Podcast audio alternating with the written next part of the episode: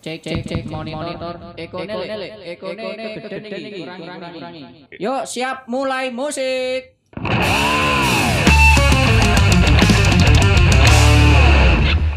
Podcast kita lo kok menang. Ya. Balik nih, balik nih, balik nih.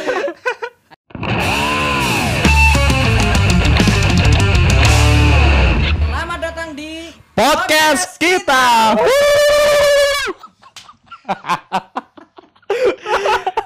Ayo guys, ini bentar lagi sahur guys, cepetan guys. ini jam 2 ya. Eh, hari ini kita mau bahas apa Mas Niko? Bahasa sastra. Yo, bahas sastra. Ini gara-gara nonton AADC nih mesti nih. Iya. Iya lagi. Jadi gue tuh kesel banget ya. Lagi puasa gini kan juga ada lockdown. Nah ini temen gue nih si Bintoro nih dia tuh ceritanya tuh nyewa Netflix gitu ya. Ada apa dengan cinta? Ya, yang pertama tuh tahun 2002. Kemudian ADC yang baru tahun 2016. Ya Allah, itu sumpah gue jadi keinget kembali tuh masa-masa indah gue di SMA itu. Iya. Masa-masa ceritanya gimana ceritanya? ini masa-masa jahiliyah yang indah gitu. Itu boleh dianu? Boleh dianu enggak ceritanya itu? Tapi aduh janganlah itu classified ya rahasia itu rahasia perusahaan ya. Oke, oke, oke. Terus kalau tadi bincang-bincang tentang AADC dan hubungannya dengan sastra itu kayak gimana tuh maksudnya kalau dikaitkan dengan eh, sekarang itu, Mas? Musiknya itu loh. Oh ini mau baca puisi dulu nih. Janganlah nanti lah. Jangan, jangan, jangan. Harus dibaca dulu ini. Jadi gini kawan-kawan semua, gua tuh jujur aja ya dari kecil ya sampai sekarang gue emang banyak minat sama sastra. Emang itu alami karena bokap gue itu dulu tuh eh, apa penyair. Beliau itu waktu masih bujang banyak ngirim puisi-puisi tuh di apa media-media di Bandung. Sampai sekarang puisinya masih nongol di apa koran-koran Bandung. Oh, itu ngirimnya pakai teks gitu ya Mas, surat gitu. Zaman dulu kan ya. pakai surat, eh, pakai apa surat kaleng. Tapi kalau sekarang mah paling dia tumpahkan puisinya itu semua di Facebook. Oh, ditumpahkan. Nah dia tuh kalau lu buka Facebooknya isinya puisi semua. Dan kebetulan tuh di tempat kerja gua tuh di rumah yang dulunya juga tempat kerja bokap gua itu banyak nyimpen file-file yang isinya puisi. Gue banyak baca puisi dari dia.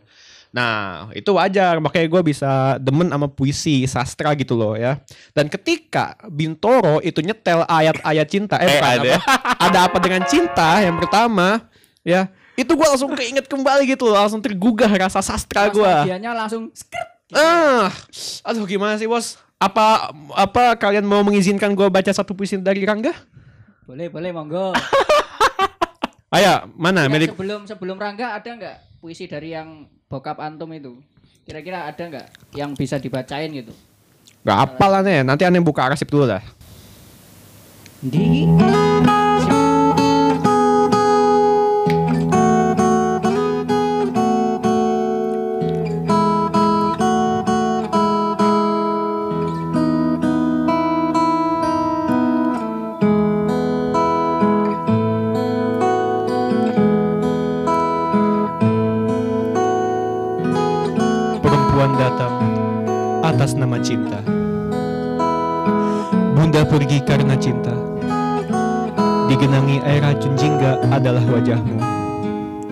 Seperti bulan lelap tidur di hatimu. Yang berdinding kelam dan kedinginan. Ada apa dengannya? Meninggalkan hati untuk dicaci. Baru sekali ini aku melihat karya surga dalam mata seorang hawa. Ada apa dengan cinta? Tapi aku pasti akan kembali dalam satu purnama untuk mempertanyakan kembali cintanya. Bukan untuknya, bukan untuk siapa, tapi untukku. Karena aku ingin kamu. Itu saja.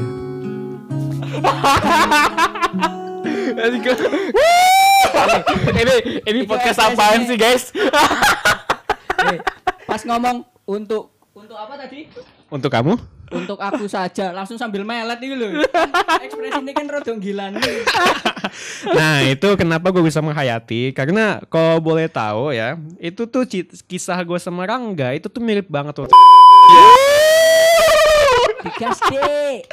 Tapi gini bos, gini bos, gini bos, gini bos Gue jadi mikir ya itu tuh ya sastra-sastra yang kebucin-bucinan ya sastra-sastra yang dia itu hanya mengumbar ke apa nafsu cinta ke perempuanan ya rasa-rasa rindu rasa sayang apalagi dengan munculnya Faris Group wow you know him Gak, gak, gak, gak, mau tahu gak? Saya termasuk yang anu ya, agak gaptek soal begitunya ya. Gimana tuh Mas? Ya intinya aduh jangan coba jangan kesekali-sekali ente searching Fahris Group itu ente itu bisa melting itu ya ya ya jangan searching gue bilangin Ngomong ini depan komputer gimana langsung nggak nge-search ya? Ya, jadi Fahri Scrap, ya, P-nya tiga. Kata-kata itu begitu puitis gitu loh. Oh, yang gendut itu ya? Oh, ah, tuh tuh tuh, yang sering di screenshot ya. Oh iya itu. itu Raja Gombal di Twitter itu. Nah, Bacain, jadi gitu kawan-kawan bacain, ya. Val, bacain, Val, bacain, bacain dulu satu Nih. postingan lah ya deh. Satu postingan nih. yang ta- tahun 2012 nih. Eh, eh bukan bukan tahun 2012. Ini 11 September kayaknya tahun 2019 jam 12 lebih 12. Ini statusnya ini kayak gini bunyinya. Aku mencintaimu dengan segenap jiwa raga, namun perjuanganku tak kau anggap ada. Kalau kata peribahasa, air susu dibalas dengan air terjun. Berat, berat sumpah. Kalau kita bicara sastra ya, apalagi kita masih muda, kemudian hati kita dipenuhi dengan rasa rasa apa naluri ya akan apa perempuan, akan cinta. Pasti kita itu akan sangat membutuhkan sastra untuk menyatakan perasaan kita. Betul nggak? Betul. Nah, tapi masalahnya apa? Ada implikasi daripada itu semua. Ketika kita itu, ya, ketika generasi hari ini hanya memusahkan sastra kepada hal yang cinta-cintaan. Eh, eh, Jangan balik gue salah lagi dong. menjelaskan sastra itu ada bridging musiknya. Silahkan, monggo.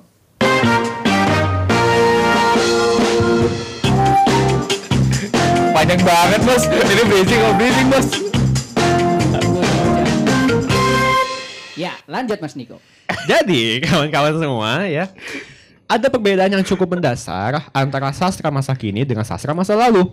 Bedanya Ya. apa tuh? Nah, kalau sastra masa kini, kita melihat ya kita renungi ya bahwasanya sastra sekarang itu begitu dipenuhi ya begitu kental dengan eh, apa rasa-rasa yang dia itu menomorsatukan individu ya. Nah, apa itu contohnya rasa-rasa yang mening- meninggikan individu? Ya tadi masalah cinta, ya masalah cinta antara aku dan kamu, ya atau masalah kekuasaan bisa jadi toh, ya atau masalah jabatan atau masalah rindu. Oh itu yang paling berat sekali, ya karena hanya Dilan yang bisa menahan. Iya iya iya iya iya iya iya iya. iya. Gas dik. Ah, ya. Nah itu memang ya kan bicara sastra itu adalah bicara rasa, ya. Karena sastra itu adalah pakaian, adalah senjata, adalah sebuah kostum untuk membungkus kata-kata kita sehingga kita apa kata-kata itu bisa ditelan dengan rasa, ya. Sehingga itu sangat membekas di jiwa, ya. Tapi nah apa ya tapi nah ini karena gue anak sejarah juga ya gue kuliah di UIN share video lo jurusan sejarah dan gue banyak meneliti tentang perbedaan sastra masa kini dengan masa lalu ya Nah, ini menarik nih, perlu dibahas nih kayak gimana tuh? nah contohnya adalah sastra-sastra ketika kita itu eh, pergi ke Aceh ya Wede. Tuh. Jadi kawan-kawan Aceh. semua, asal kita apa asal tahu saja, beberapa waktu lalu gue sama Abintoro ya, kawan gue yang jahat ini telah menjerumuskan gue dengan Netflix ya, apa ada apa dengan cinta. Itu sebenarnya sebelum kita apa aneh kayak gini, kita itu pergi ke Aceh, kita itu banyak disuguhi dengan kata-kata yang luar biasa ya. Dengan kata-kata sastra gue bilang yang begitu menggugah jiwa, yang begitu eh, apa menyalurkan emosi. Emosi dalam hal apa? Bukan dalam masalah perempuan, bukan dalam masalah cinta, tapi dalam masalah perjuangan. Berarti ini Masya sastranya Sultan lah ya. Nah, ya. Satu ketika kita main ke apa museum Aceh, ya. Aceh besar. Eh, enggak ya Aceh. Di di Banda Aceh. Oh iya benar Aceh. Nah, kalau Aceh besar dia itu agak sepi tempatnya.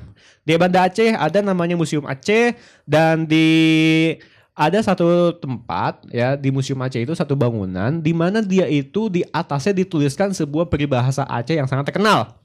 Apa Ya. tuh peribahasannya kayak tadi lagi air. Oh enggak, enggak. Ini bukan peribahasa ala-ala Fahris Group atau ala-ala Raga dan Cinta. ya. Tapi ini adalah sebuah peribahasa, sebuah ungkapan yang sangat terkenal di khalayak Aceh yang dilontarkan oleh seorang tokoh terkemuka ketika masa kesultanan.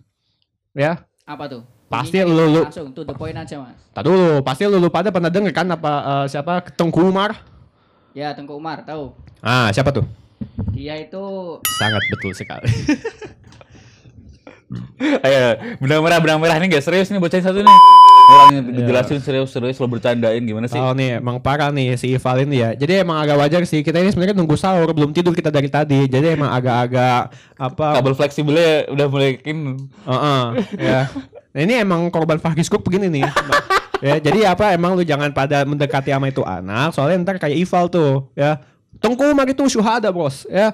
Pahlawan perang, ya, syahid dalam medan Aceh melawan kafir malun aduwallah, Hulanda, ya. Orang kafir musuh Allah, orang Belanda. Nah, singkat kata, Tengku Umar pernah bilang begini satu ketika. Ketika dia itu hendak berangkat dalam penyerangan terakhirnya melawan Belanda, ya. Apa katanya? Tatkala dia itu memanas-manasi semangat ini, ini jihad. backsoundnya harus yang bereng bereng bereng bereng bereng Ah. bereng. Ada nggak backsound yang kayak gitu? Apa kata Tengku Umar ketika dia itu memanas-manasi emosi rakyat Aceh ketika hendak menyerang Belanda? Ada yang tahu? Enggak, enggak tahu. Ah, gimana sih lo, lo, lo pada pergi ini gua? saya ini kuliahnya jurusan bukan jurusan sejarah ya. Jadi mohon maaf nih kalau pengetahuan sejarah ini masih Iya lanjut nih bahas perang nih udah nih musuhnya perang nih. Apa kata Tengku Umar? Satu ketika dia berkata, Aneh udah jungle lele. Bentar, masih ada watermarknya. Bentar dulu. Ayo lanjut lanjut lanjut Mas Niko lanjut Mas Niko. apa kata Tengku Umar tatkala dia itu berangkat melawan Belanda? Udep sari, mati syahid. Itu apa artinya? Well, kalau orang Aceh pasti paham lah ya. Bahwasanya udep sari mati syahid itu adalah hidup mulia atau mati syahid. Iya dah nanti gue, tanya dulu ya. Gue punya teman namanya Bang Saiful nih orang Aceh nih. Siapa tuh dengerin kan? Gue tanyain tuh artinya tuh. Oke, salah buat Bang Saiful ya. Nah, dan ternyata Tengku Umar itu nggak sendirian ya. Seluruh khalayak rakyat, rakyat Aceh itu ketika berangkat berperang, mereka itu begitu semangat dan menggugahkan sastra syair yang dia itu anti bucin-bucin, ya. Nah, saat itu di Aceh itu banyak beredar di kalangan rakyat sebuah bundel ya, sebuah kumpulan sastra, kumpulan perang yang berjudul Hikayat Perang Sabil, ya. Hikayat Perang Sabil itu banyak ditulis oleh para ulama, ya, para tengku, para apa tengku macam-macam gitu di Aceh. Dan salah satu yang paling terkenal adalah Hikayat Perang Sabil yang ditulis oleh Tengku C. Pantekulu. Ah, ya. Tengku C. Pantekulu adalah seorang haji, adalah seorang ulama yang sangat terkemuka di Aceh. Dan dia, saya kutip, ya, saya kutip syairnya. Ini mau ada backsound kan nih? Tengku C. Pantekulu berkata, dia bersyair di depan khalayak rakyat Aceh melalui karyanya Hikayat Perang Sabil. Daripada mati di haribaan istri, baiklah disambar senjata kafir. Daripada terkapar di atas katil, biarlah di soft perang syahid tergulir. Masya Allah. Itu singkat, padat, jelas dan to the point ya Mas ya. Nah, Dan itu nuansanya itu nuansa perjuangan ya, bukan maksudnya bukan bukan untuk individu gitu ya. iya. Untuk perjuangan umat gitu kan. Nah, dan tadi kan karena apa itu syair perang, maka saya membacakannya itu dengan jiwa membara-bara, ya, Gelora. bergelora. Membara, membara-bara. Ah. Namun ada ada juga sebuah syair, sebuah sastra yang dilontarkan oleh ulama kita yang dia itu juga anti kebucin-bucinan ya. Wih, puitis, puitis. Puitis, Siapa lagi, puitis. siapa lagi? Nah, ini adalah sebuah syair dari Syekh Hamzah Fansuri. Ah, ya. Kasih ini, kasih apa Bergson yang agak syahdu juga, tapi jangan Meli Guslau, ya. Beliau kan udah hijrah beliau, insya Allah. Ayo. Ayo, Le. Bentar, bentar, bentar, bentar. Mana nih Bersonnya, Bersonnya? Ah! Jadi wajar ya kawan-kawan, podcast kita ini emang masih pemula ya, masih alay-alay. Iya. Tapi insya Allah ntar kita akan meraup banyak uang dari situ. Wow. Eh, enggak, kita enggak, enggak, enggak, enggak, kita iya, enggak, iya. tujuan enggak uang nih. Kadang suka bener. Ah. Yuk. Kawan. Inilah gerangan suatu madah. iya, iya, iya mengarangkan syair terlalu indah. Membatuli jalan tempat berpindah. Di sanalah iktikot diperbutuli sudah. Wahai muda, kenalilah dirimu. Ialah perahu tamsil tubuhmu. Tiadalah berapa lama hidupmu. Ke akhirat jua kekal diammu. Sudah. Sudah. Nah ini pas banget ya. Jadi ini ini juga ilmu ilmu ini ya. Jadi sastra kalau dipadukan dengan eh, backsound yang pas itu, itu juga hasilnya Cihuy juga gitu. Hmm, cihuy hasilnya Ya ya. kan? Apalagi ini juga Syekh Hamzah Fansuri. Jadi ini adalah sebait syair yang diambil dari kumpulan syairnya yang panjang yang berjudul adalah Syair Perahu ya. Nah, ini adalah karya Syekh Hamzah Fansuri. Dan sini beliau itu meng- mengingatkan kita semua akan kematian. Dan saya amat terpukau dengan Aceh itu ya. Jadi, nah, ada satu puisi lagi nih, tapi kali ini dalam bahasa Arab ya. Waduh, ini backsoundnya berarti harus ke Arab-Araban ya? Asal jangan gendang-gendang itu aja. Ya, Oh, bisa. juga nggak apa-apa, biar durasinya panjang. Oh iya iya ini iya. di- iya. BTW udah 20 menit guys. 20 menit. Oke. Kasian yang nonton nih buang-buang kuota. Loh, tapi masih penting loh fungsinya. Eh, tujuan kita buat podcast tuh apa? Iya biar ngirit kuota. Biar ngirit kuota, biar nggak nonton YouTube yang Iya, enggak, kan? biar nggak nonton Netflix ya. Aduh, hati-hati tuh bos.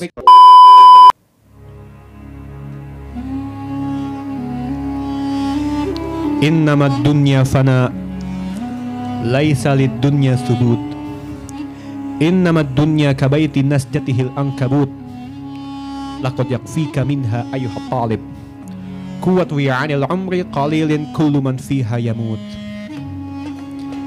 Dunia itu hanyalah fana.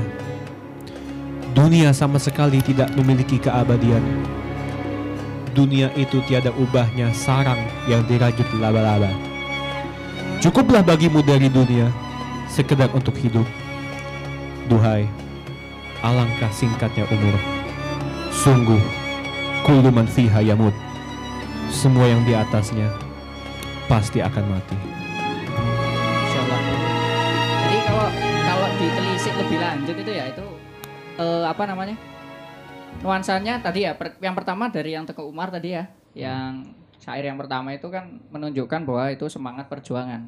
Hmm. Kalau yang kedua ini eh, nuansanya adalah nasihat, ya kan? Betul. Dan itu yang ibaratnya apa ya? Ya berkualitas banget gitu loh. Hmm. Nggak kayak yang tadi antum bacain pertama itu loh yang Rangga? deng deng deng deng deng deng. Jadi gini, Lebih Bos. tepatnya tuh bukan sekedar berkualitas, Bos. Kayak gimana tuh? Itu ada maknanya gitu loh. Nah, Nah. ini yang menjadi letak kritik daripada kita, ya. Ini yang menjadi letak perbedaan antara sastra zaman sekarang yang dilandaskan oleh materialisme individu- individualisme dengan sastra profetik, ya, dengan sastra yang berlandaskan rasional, ya. Sastra yang penuh perasaan tapi juga penuh akal. Masya Allah. Kalau kalau kita melihat sastra hari ini yang diwakili oleh Rangga, oleh Cinta, oleh Dilan, oleh Melia, ya, dan oleh orang-orang semacamnya, maka kita melihat apa-apa yang mereka ungkapkan, perasaan mereka itu memang menyentuh jiwa. Tapi itu itu semua tidak akan dibawa mati, bos. Ya, mungkin kita bisa menyatakan rindu kita, ya, kepada Cinta. Di mana kita itu ya antara Rangga dan Cinta itu terpisah dari New York ke Jakarta. Satu purnama. satu purnama. Yang nyatanya bulan-bulan purnama ya. Tapi kita nanya dah. Kita ini kan ma- main rasio ya. Hmm. oke mereka ketemu ya. Gue tahu cinta sama Rangga tuh orang kaya ya. Sehingga mereka tuh bisa bolak-balik New York Jakarta dengan gampangnya. Kayak oke boleh- mereka boleh. akhirnya kawin ya. Oke. tapi ketika mereka itu banyak bikin puisi ya banyak menyu- apa me- me- menyulut emosi pembaca penontonnya dengan puisi-puisi yang indahnya apakah itu akan membawa kebahagiaannya hakiki Tentu tidak. Tidak. takbir Bos. kita kita lama nggak demo ya gini gini ya. Kayak Ini gara-gara lockdown kan gitu. Jadi gini ya. Itu yang di film ada apa dengan cinta ya itu hanyalah baru pembukaan awal ya. Mukodimah. Mukodimah. Lah, emang kita tahu ya bagaimana kehidupan pernikahan mereka. ya hanya cinta apa pernikahan itu gini loh ya nikah itu kan bukan hanya sebatas ya bukan hanya bermodal cinta bukan hanya bermodal puisi bukan hanya bermodal syair kata indah tapi dia itu juga perlu berlandaskan akal finansial dan yang paling penting apa ilmu agama bos ya Masya Allah. Masya Allah, ini ilmu pranikah luar biasa dari Abang kita. Abah itu. ini. penyair Eh penyair bukan abang, abah. Abah. ya lu bayangin aja bos, masa lu bisa ngedidik anak lu dengan cuma sastra ya? Sastra yang sifatnya New York ke Jakarta ya. Terus apa namanya? Pecahkan saja kacanya biar ramai. gelasnya, Nah, gelasnya. Gelasnya. Oh, gelasnya ya? Gelasnya. Nah kan gitu nggak gitu bos ya. Bahwasanya lu tuh perlu mendidik an- anak lu ya untuk mengabdi kepada agamanya, mengabdi kepada sesuatu yang dibawa mati dan itulah yang diajarkan oleh para sultan kita, para leluhur kita, para pahlawan kita yang sudah syuhada ya. Dan itu yang membedakan antara syair, antara sastra profetik, ya, antara sastra yang berlandaskan nilai-nilai rohani yang luar biasa dengan sastra kebucin-bucinan yang berlandaskan sekularisme, yang berlandaskan individualisme, yang berlandaskan kepada nafsu semata. Gitu loh Mas Bintoro. Gitu Pak Haji.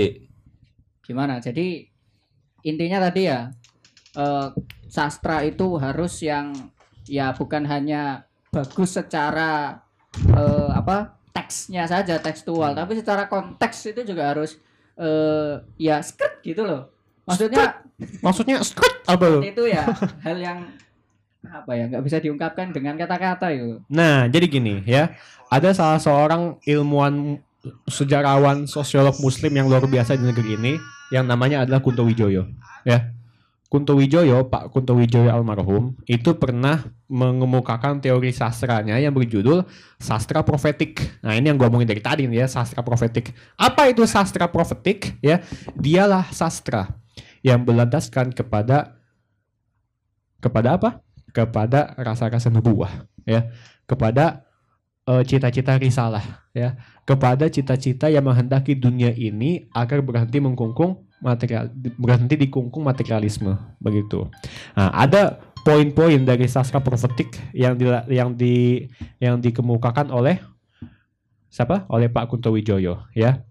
Nah, yang pertama ya, bahwasanya sastra profetik itu itu belan apa dilandasi oleh gagasan bahwasanya kaum muslimin adalah the chosen people ya kaum muslimin adalah umat terpilih umat terbaik khairu ummah ya yang dia itu akan bisa memperbaiki dunia ini.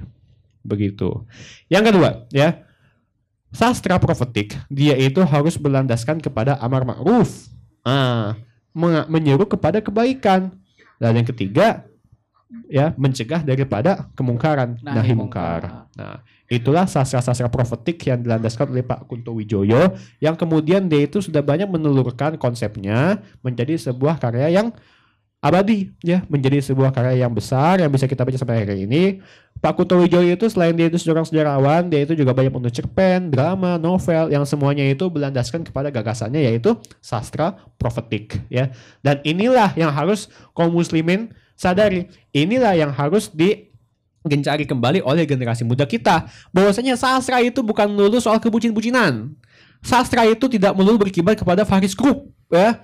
Sastra itu tidak harus berlibat kepada Dilan ya. Kepada Rangga. Tapi sastra ini adalah sastra yang dilandasi oleh nilai-nilai kebaikan, oleh nilai-nilai pengingat, oleh nilai-nilai yang menyadari kita bahwa hidup ini tidak abadi, bahwa pelayanan ter- baik kita di dunia ini adalah pelayanan pelayanan kepada Allah Subhanahu wa taala ya melayani Allah melayani agamanya sehingga kita menjadi khairu ummah itulah kira-kira yang di Takbir. Allahu Akbar. itulah yang kira-kira Iya, dilontarkan eh. oleh Pak Sahur-sahur Kunto. Wijoyo. Jos dah capek gua Masya Allah.